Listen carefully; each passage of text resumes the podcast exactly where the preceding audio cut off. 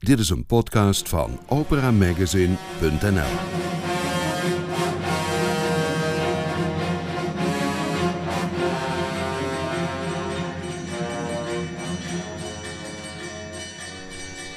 Welkom in Studio Nibelheim. Hier hoort u nieuws, achtergronden en interviews over opera en lied.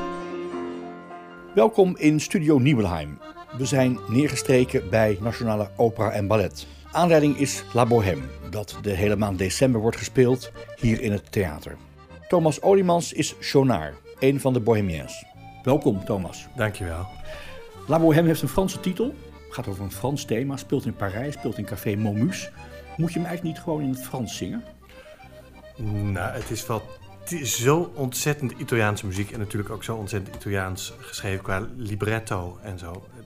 Ik vraag me af, er zal zeker een Franse vertaling van geweest zijn. Want dat was natuurlijk in de tijd nog redelijk gebruikelijk dat de stukken in de landstaal en niet in de schrijftaal werden opgevoerd.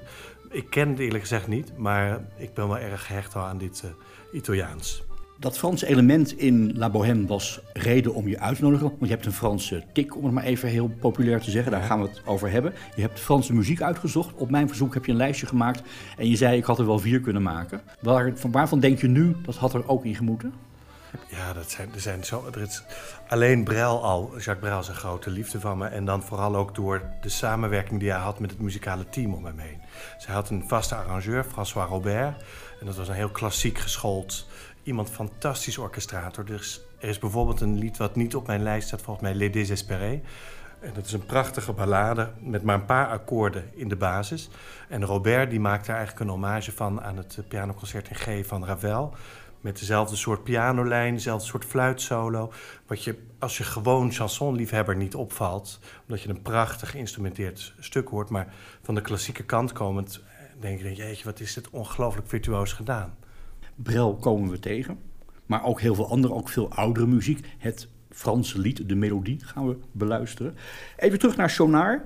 Um, die scène, we laten hem even horen, we laten je even opkomen op het podium. Althans niet jouw stem, maar die van een collega.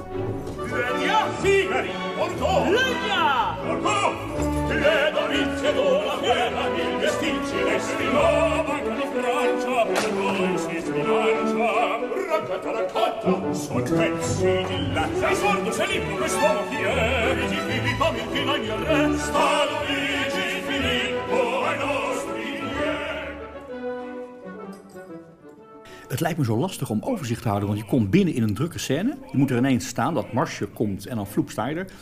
Het is bijna niet te horen als luisteraar wie nou wie is. Dus hoe concentreer je op die eerste opkomst? Ik heb zowel Sonar als Marcello al een aantal keer gezongen. Dus de, de twee baritonrollen, zeg maar de twee jongere baritonrollen.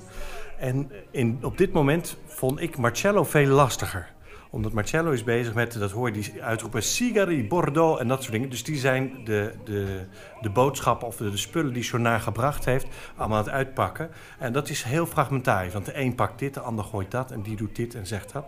Terwijl Sonar in deze scène, qua onthouden, is het in die zin makkelijker, want die komt binnen en die vertelt, weliswaar zonder dat iemand luistert, maar die vertelt toch zijn hele eigen verhaal. Dus die vertelt, ja, ik heb hier de hele bank van Frankrijk geplunderd. En ik zal je laten zien waar dit goud, nou ja, zilver of misschien eigenlijk nikkel, vandaan komt. Het zit namelijk zo. En dan volgt er een weliswaar compleet belachelijk en bizar verhaal over een, een Engelsman die een papegaai heeft die hij graag wil uh, ombrengen door muziek voor hem te laten spelen. Dat, je moet maar op het idee komen. En Jonar uiteindelijk, dat duurt hem te lang, die speelt drie dagen continu. Die papegaai blijft gewoon monter doorzingen. En besluit dan om met wat vergiftigde peterselie die papegaai te vergiftigen. Compleet onwaarschijnlijk verhaal. Maar Jonar begint met zingen en die zingt het hele stuk door. Dus voor Jonar is het minder onoverzichtelijk eigenlijk op dit moment dan uh, voor Marcello of Rodolfo of Colline. Jonar is muzikus en Marcello is de schilder. Ooit afgevraagd wat hij voor muziek maakt eigenlijk? Nou ja, er is een moment waarop hij een, een hoorn en een fluitje koopt in de tweede acte. Dus ik heb meer het niet, nou niet zozeer het idee dat hij echt hornist dan wel fluitist was, maar meer zo'n soort manusje van alles. Bij wijze van spreken iemand die met zo'n grote trom op zijn rug, met uh, dus een soort multi-instrumentalist. Het is meer een chageraar, hoe die op mij overkomt, dan dat het een muzikus is in de zin zoals wij hem nu zouden willen zien. In deze productie, een herneming van twee jaar geleden, Ja. geregisseerd door Benedict Andrews, is Sonar ziet er wel een beetje gek uit. Een raar brilletje, uh, een bontmuts met flappen en zo. Ja, het is, nou ja, echt wat. Wij zouden er ook het, de, de, naam Bohemien aangeven. Dus het is echt zo'n beetje alternativo en uh, die bontmuts en die bontjas. Joost maar weten waar hij die heeft opgeduikeld. Het is ook allemaal een beetje suspect en verdacht waar al die spullen van hem steeds vandaan komen. De marché opus bij de Port Cliancourt, denk ik. Ja, precies. Of, uh, of van, de, van de spreekwoordelijke vrachtwagengevallen. In ieder geval, het is dus een... Uh, ze doen maar wat, letterlijk ook. Ze geven, proberen maar een draai aan te geven. Ze zijn heel erg jong, Jonaar ook. En, en op een gegeven moment houdt dat op. Op een gegeven moment haalt het leven die manier van doen in. En dat is die grote tragiek die we dan natuurlijk in acte 4 echt tegenkomen. En, en ook een van de aansprekende en mooie dingen uit, uit La Bohème überhaupt. Het thema van de onbezorgde jeugd zonder verantwoordelijkheid. En je gooit, je gooit je maar in dit avontuur en in dat en we zien het wel. En uh, dat, het, het leven haalt je toch wel in. Hoe bohemien ben je zelf of ben je ooit geweest? Nou, niet, niet op deze manier eerlijk gezegd, nee. Zangers moeten altijd op tijd naar huis, zeg. Nou, dat valt wel mee. Nee, dus gewoon wel, wel langer blijven hangen. Maar het, het hele idee van nu niet weten waar ik vanavond slaap... of, uh, of uh, nee, we gaan hier maar eens weg zonder te betalen of dit maar zo... Nee, dat, is, dat, is, dat staat wel redelijk ver van me af. Laten we naar de muziek gaan. Je bent muziek gaan studeren, Amsterdam Conservatorium... bij Margreet Honig. Bij lied denk ik al gauw aan Duitsland, Schubert, Schumann... Uh, is er altijd die, uh, die bocht, eerst Duits en dan Frans? Of begon jij met Frans? Of heb je dat meteen al opgepikt? Helemaal in het begin begon ik eigenlijk met Frans. En dat kwam vooral omdat ik met lichte muziek Frans begon. Dus met Franse chansons. Mijn vader had stapels platen staan van die serie uh, op vinyl. Dus uh, die serie Vive la France. Die volgens mij onder, LP's? precies, onder redactie van Willem O. Duis toen uh, dan bij, bij, uh, met Bakka over de toonbank gingen. Dus dat waren enorme collecties met Julien Clerc, uh, Barbara, Leo Ferré, Serge Reggiani, al die, noem ze maar op. En die stonden dus ook vaak aan. Dus op de een manier had ik dat ook ergens al vroeg in mijn systeem. Dus toen ik een beetje zelf begon te zingen als 12, 13 jaar, toen zong ik ook dat. En dan ging ik dat uitzoeken aan de piano en zong ik dat mee. Een soort fonetisch steenkolen-Frans. En, en later zocht ik daar dan de muziek bij of vond ik daar dan teksten bij waar dan heel andere teksten uit bleken voor te komen dan wat ik probeerde fonetisch uh, samen te stellen. Dus nog afgezien van het feit of ik wist wat het betekende, maar uh, überhaupt ook qua volgorde van klinkers en medeklinkers. En, en dat is ja, die, die Franse manier van zingen, ook die Franse manier van stijl van melodiek en stijl van harmonie, is iets wat me heel vroeg al, al lag. Want loopt er een lijntje, ik vraag het me altijd af, tussen Ravel, Poulenc, uh, Chausson... naar het modernere literaire Franse chanson? Nou ja, wat ik, uh, zo'n lied als wat ik net even aangaf als Les Désespérés van Brel... Uh, zie je in ieder geval al dat bijvoorbeeld de arrangeurs zich heel erg bewust zijn van, van hun geschiedenis, heel vaak. Dus dat je daar zeker in instrumentatie en ook in harmonisatie vaak zeker lijnen in hoort veel Franse populaire muziek grijpt ook nog wel terug op, uh, laten we zeggen, iemand als Brassens, waar ik niet enorm fan van ben, omdat ik dat toch erg snel folklore vind. Maar die grijpen daarin terug op dingen die we ook al bij veel vroegere Franse liedjes en Franse liederen horen ook. Dus, dat is een historie. Ja, zeker. Jouw eerste cd, bijna tien jaar geleden, heette Mirage en bestond uit muziek van Fauré en Poulenc. Samen met toen al Melke Martineau, die nog steeds ja. jouw begeleider regelmatig is bij uh, recitals. Vroeg jou welk wil je horen? Toen zei je Reflet dans l'eau. Een ja. heel impressionistisch gedicht. Laten we even luisteren naar jouw stem, negen jaar geleden. Muziek van Fauré. Étendu au seuil du bassin,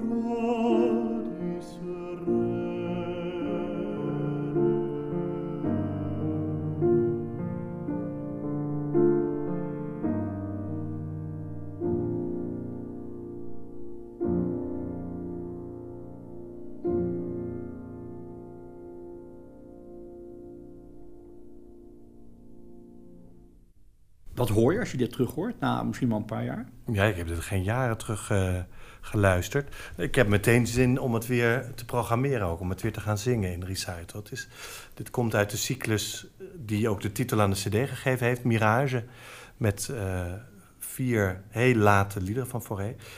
Ja, ik ben ontzettend gek op die, die klankwereld en die ontzettend subtiele verbinding van, van zo'n bijna parlando en toch een heel duidelijke expressieve melodie.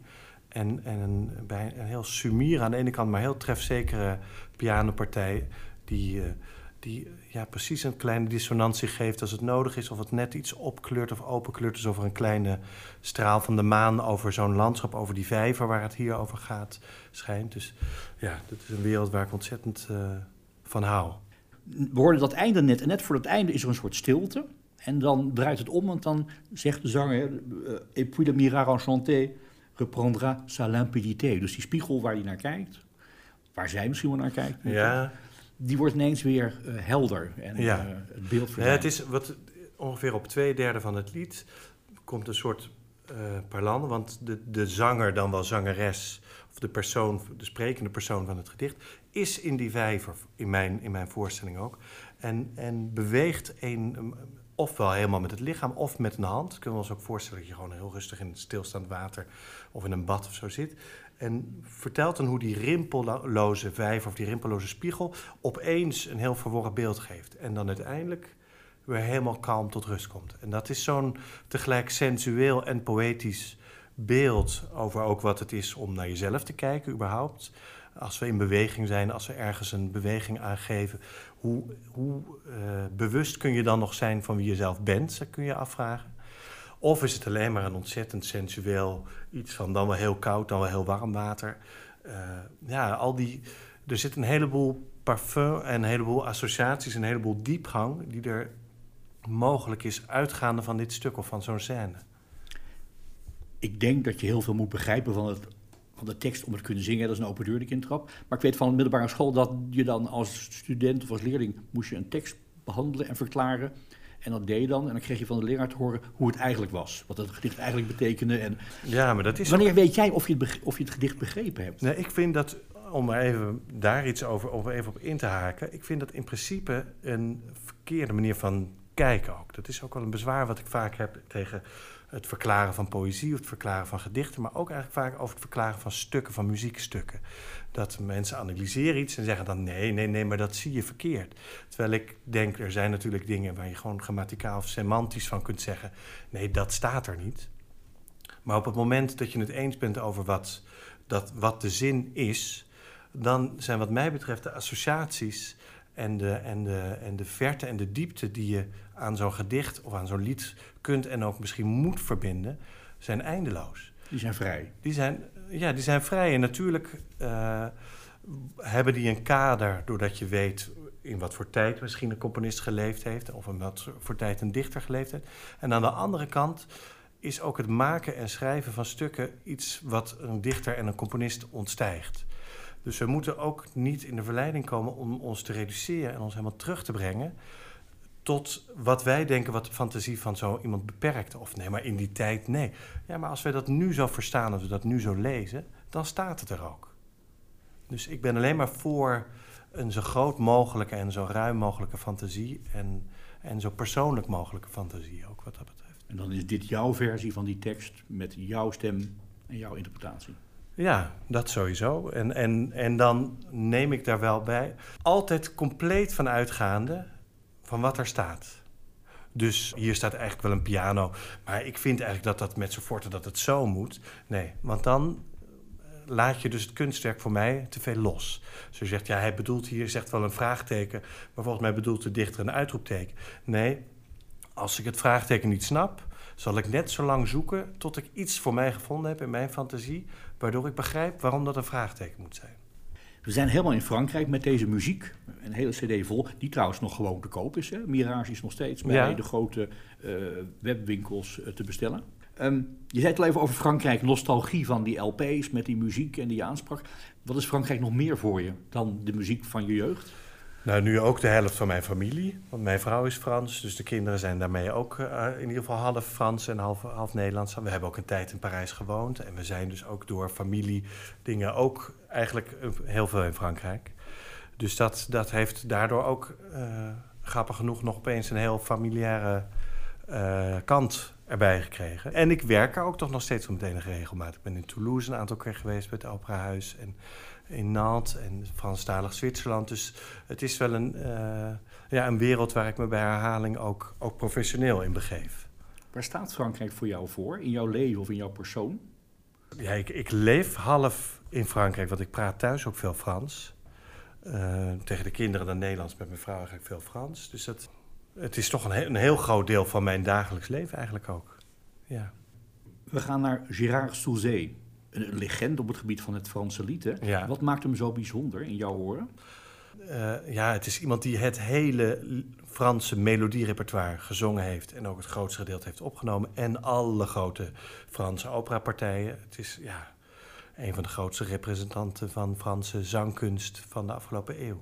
Le Temps des Lilas van Gérard Souzet met een onbekende pianist. Tekst van Maurice Bouchard. Meester Jacqueline Bonneau. Hmm.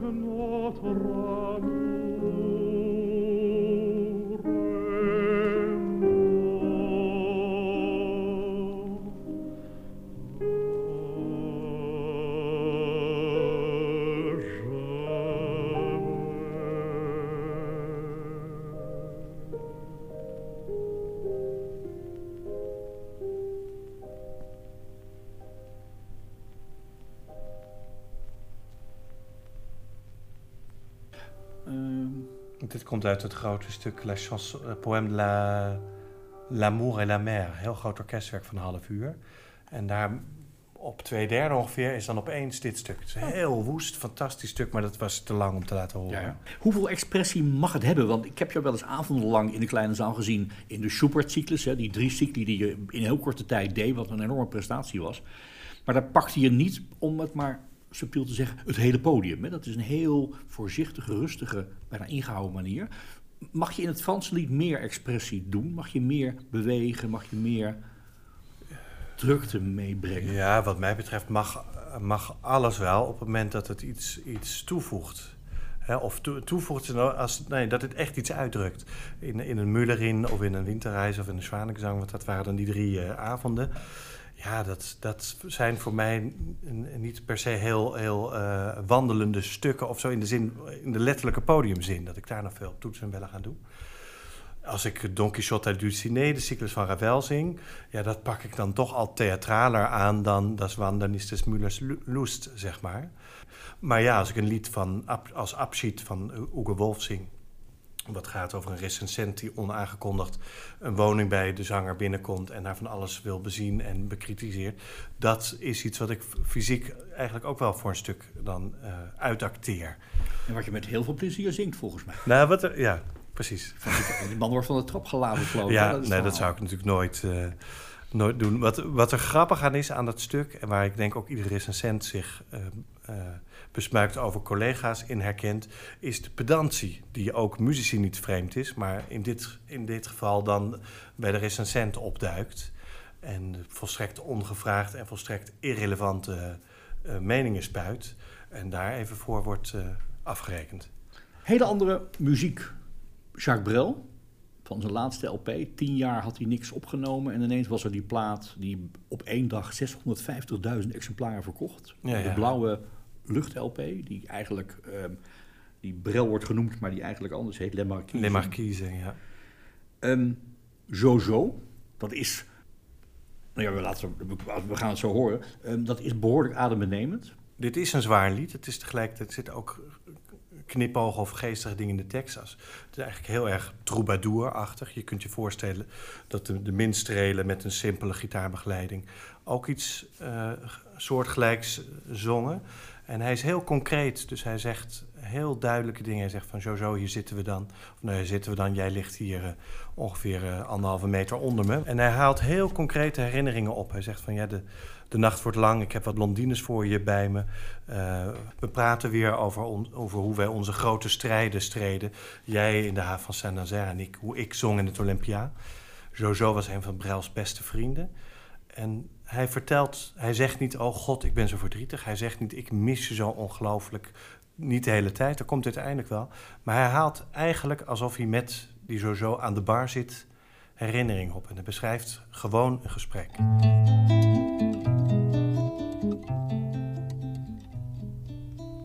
Jojo, voici donc quelques rires, quelques vins, quelques blondes. J'ai plaisir à te dire que la nuit sera longue à devenir demain. Jojo, moi je t'entends rugir quelques chansons marines. Où des Bretons devinent que Cinq-A doit dormir tout au fond du brouillard. Six pieds sous terre, Jojo, tu chantes encore. Six pieds sous terre, tu n'es pas mort. Jojo, ce soir comme chaque soir, nous refaisons nos guerres. Tu reprends Saint-Nazaire, je refais l'Olympia au fond du cimetière. Jojo, nous parlons en silence d'une jeunesse vieille. Nous savons tous les deux que le monde sommeille par manque d'imprudence. Six pieds sous terre, Jojo, tu espères encore. Six pieds sous terre, tu n'es pas mort, Jojo. Tu me donnes en riant des nouvelles d'en bas je te dis mort au con, bien plus con que toi, mais qui sont mieux portants? Jojo, tu sais le nom des fleurs, tu vois comme mes mains tremblent. Et je te sais qui pleure pour noyer de pudeur mes pauvres lieux communs. Six pieds sous terre, Jojo, tu frères encore six pieds sous terre, tu n'es pas mort, Jojo. Je te quitte au matin pour de vagues besognes. Parmi quelques ivrognes, des amputés du cœur qui ont trop ouvert les mains. Jojo, je ne rentre plus nulle part, je m'habille de nos rêves orphelin jusqu'aux lèvres, mais heureux de savoir que je te viens déjà. Six pieds sous terre, Jojo, tu n'es pas mort. Six pieds sous terre, Jojo, je t'aime encore.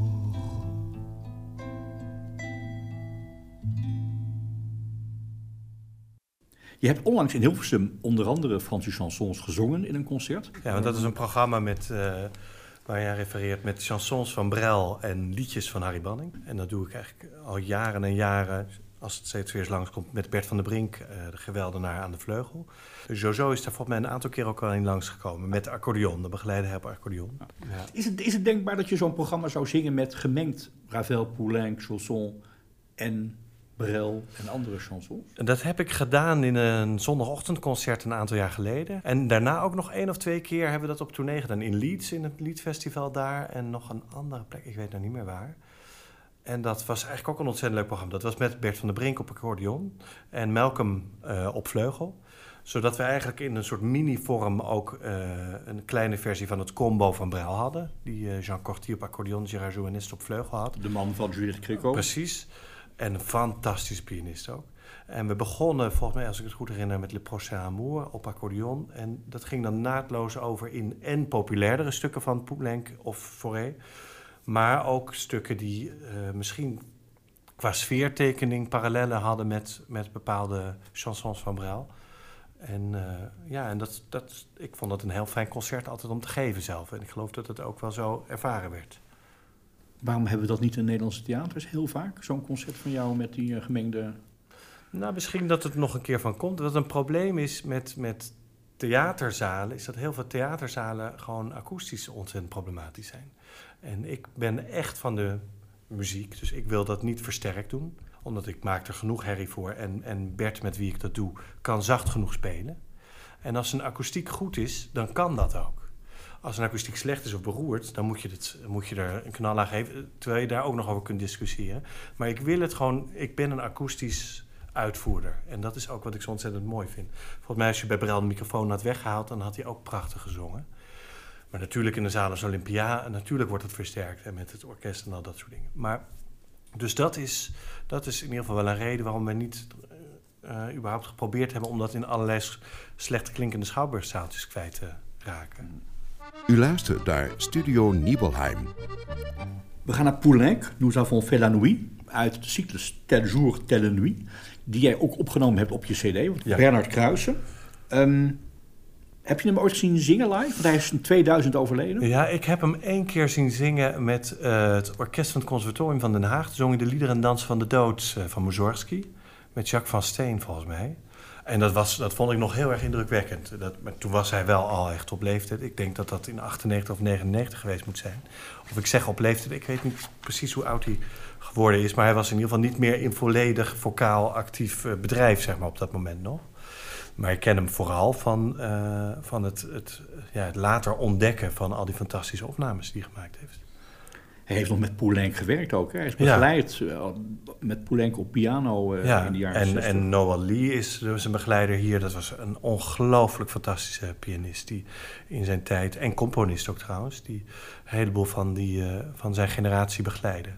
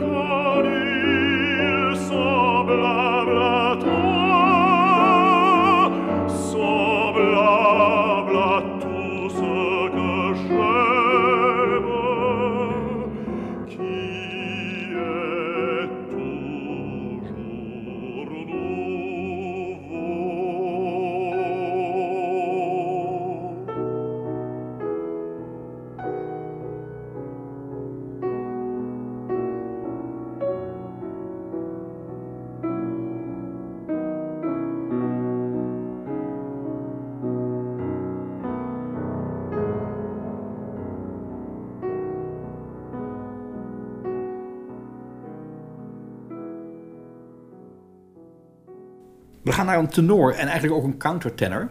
Uh, iemand die zelfs heeft besloten om die countertenor stem wat minder te gebruiken, omdat het zijn stem dreigde te beschadigen. We hebben het over Wouter Levenbach, die we ook Ah, kennen als Dave. Dave, ja. Nogal verrassende keuze, Vanina. Hoe kom je daarbij? Ja, ik weet niet meer wanneer ik dat liedje nou weer eens hoorde. Het is En van ik- voor jouw tijd. Ja, ja. Maar het kan zijn dat hij ook op een van die Vive la France platen stond al. Maar ik hoorde het gewoon volgens mij op vakantie... eh, of een van de keren, vele keren dat we dus in Frankrijk waren de afgelopen jaren... hoorde ik het weer langskomen. Ja, ik vind het ontzettend... eh, ik vind het sowieso een ontzettend leuk liedje. Ik weet niet, precies, niet eens precies waar het over gaat. Maar die hele melodielijn en, die, eh, en de, de virtuoze manier van zingen... want het is niet makkelijk om te treffen. Even luisteren naar Vanina. Als het 3FM klinkt. Ja, precies. Loin de toi,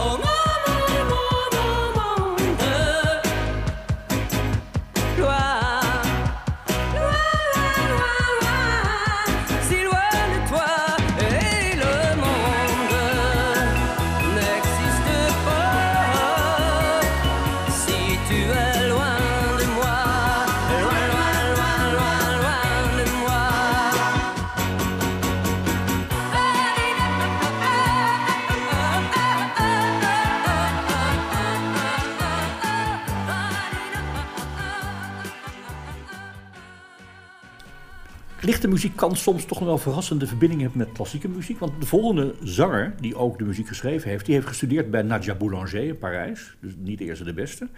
Dat is Michel Legrand, die tegenwoordig ook veel met Nathalie Dessay optreedt. Ja. Entre Elle Louis is zo'n programma. Met Kirite Kanema gewerkt heeft.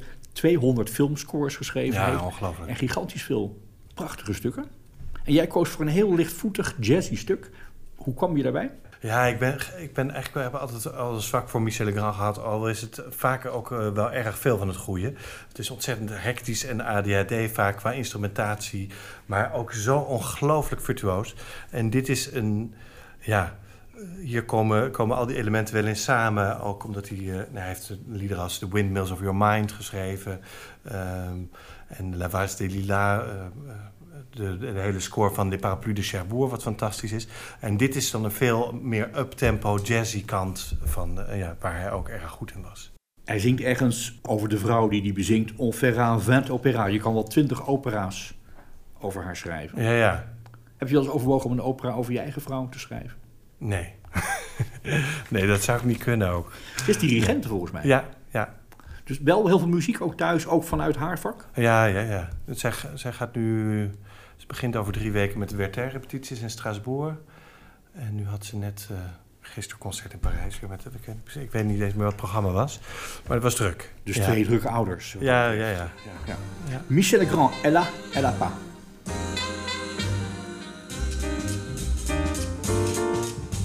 Vois cette démarche qu'elle a, ce beau sourire qu'elle a, vois cette grâce qu'elle a, avec ce charme-là, avec les jambes qu'elle a, avec les lèvres qu'elle a, avec ses poses, avec son teint de rose, on pourrait faire un opéra. Ouais, mais avec ce qu'elle n'a pas, on ferait vingt opéras, sans bobine de cinéma, ah, ce que t'es bête. Vois cette élégance qu'elle a, cette prestance qu'elle a, la jolie robe qu'elle a, avec ce charme-là, avec la classe qu'elle a, avec l'allure qu'elle a, son air de vivre, on pourrait faire un livre digne d'Alexandre Dumas. Ouais, mais avec ce qu'elle n'a pas, on ferait toute une librairie, un catalogue tous les mois, ah, ah, ce que t'es bête. Qu'est-ce que tu Je suis sentimental et je ne veux pour rien au monde lui résister plus longtemps. Je sais ce qu'elle n'a pas, mais je suis tellement fou de ce qu'elle a et que tant d'autres n'ont pas. Vois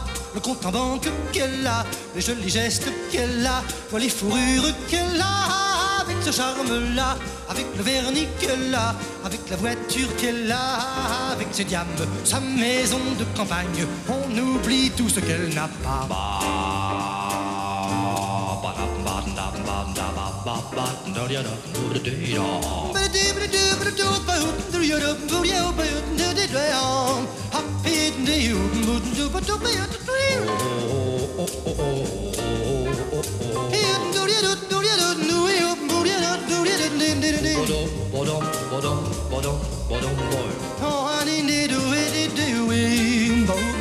Stop, stop, stop.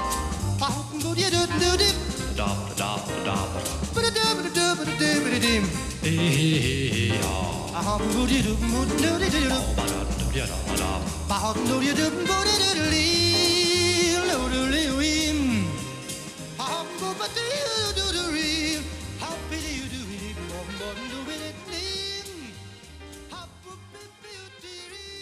Thierry Le Luron, eigenlijk komiek, heeft een geweldige Dalida-imitatie in huis. Maar we gaan hem horen als zanger. Nous nous reverrons un jour. Dat is een heel sentimenteel liedje wat je niet gauw uit je hoofd krijgt als je het eenmaal gehoord hebt. Hoe kwam je daarbij?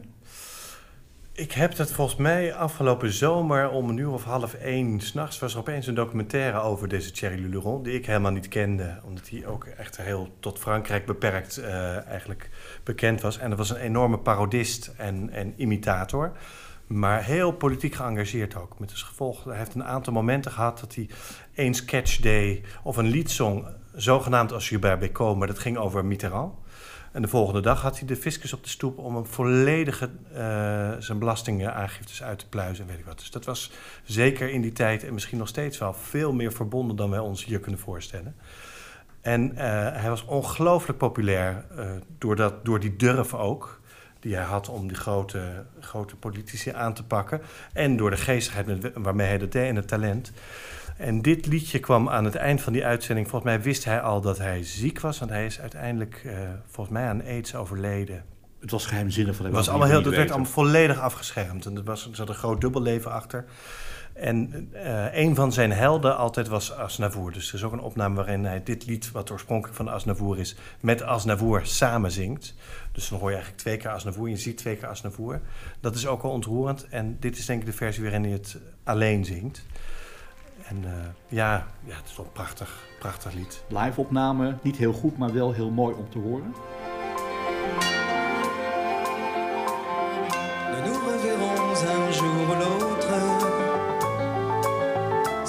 Tenez autant que moi,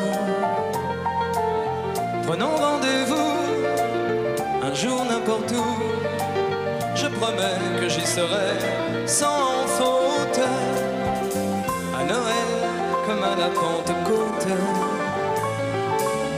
En Laponie comme à Tombouctou.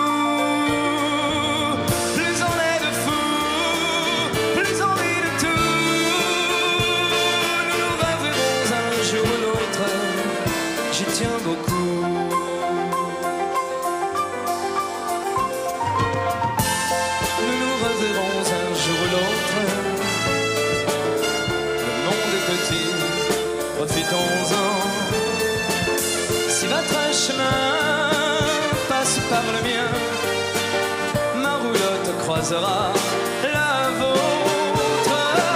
Le hasard souvent fait bien les choses, surtout quand on peut l'aider un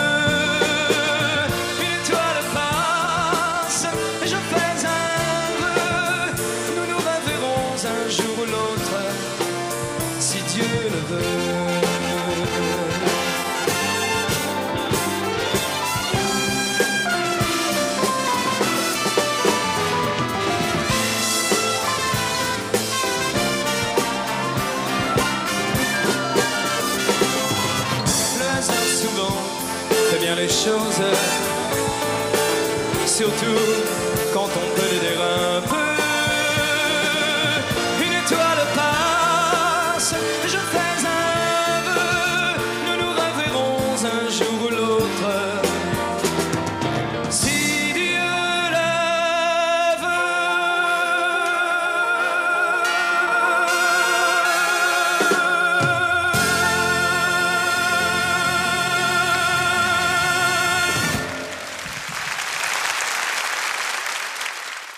moeten, al, we moeten afronden, even kijken naar de toekomst. Je zei het al, je gaat eh, Deze maand sta je in Amsterdam als Ja. Jonar in La Bohème. Ehm, dan komt er een Le Notte di Figaro aan. Ja, Le Nonce di Figaro, maar, of- en dan in de zin A Marriage of Figaro in eh, English National Opera in Londen. Dus dan moet je in het Engels tellen ook. Ja, De eerste zin. Ja, ja. Heb je dat van je hoofd zitten? Nee, nog niet. Nee. Met Nee. Martin Brabbins. Ja, In het ehm Colosseum heet dat geloof ik? ja precies. Dat is het, het huistheater van INO. En dan van de zomer, wat me heel geweldig lijkt, eh, in Aix-en-Provence. De Sauberfleuten van Simon McBurney. Ja, die hier gaat er weer gezien terug. En daartussen zit nog in Rome herneming van eh, Billy Budd, die ik in Madrid ook gedaan heb. Een Deborah Warner productie, die gaat, eh, die gaat daar naartoe. En heel lang daarna een huis in Frankrijk, wat heel veel Nederlanders hebben. Ga je dat ooit ambiëren of ga je ervoor sparen? Wie weet, ja. Nee, mijn, vrouw die vindt het ook een fijn idee om, om, om te weten dat we vaak naar Frankrijk terug kunnen en zo. Dus wie weet dat dat er nog eens van komt. Maar ja, we komen er ook gewoon voor een groot stuk vandaan, hè? Je leidt een dubbel Frans-Nederlands leven, Ja, eigenlijk, wat ik het begrijp. ja, ja. Laten we eindigen met weer Nounou Reveron, maar dan nog een stukje van Aznavour, de man die het eh, uiteindelijk beroemd heeft gemaakt. Nounou Reveron, un jour ou l'autre, si Dieu le veut. Ergens op een podium in Nederland, Engeland, Frankrijk, Spanje, wherever. Thomas Oliemans, veel succes en heel graag tot ziens. Insgelijks, hartelijk dank.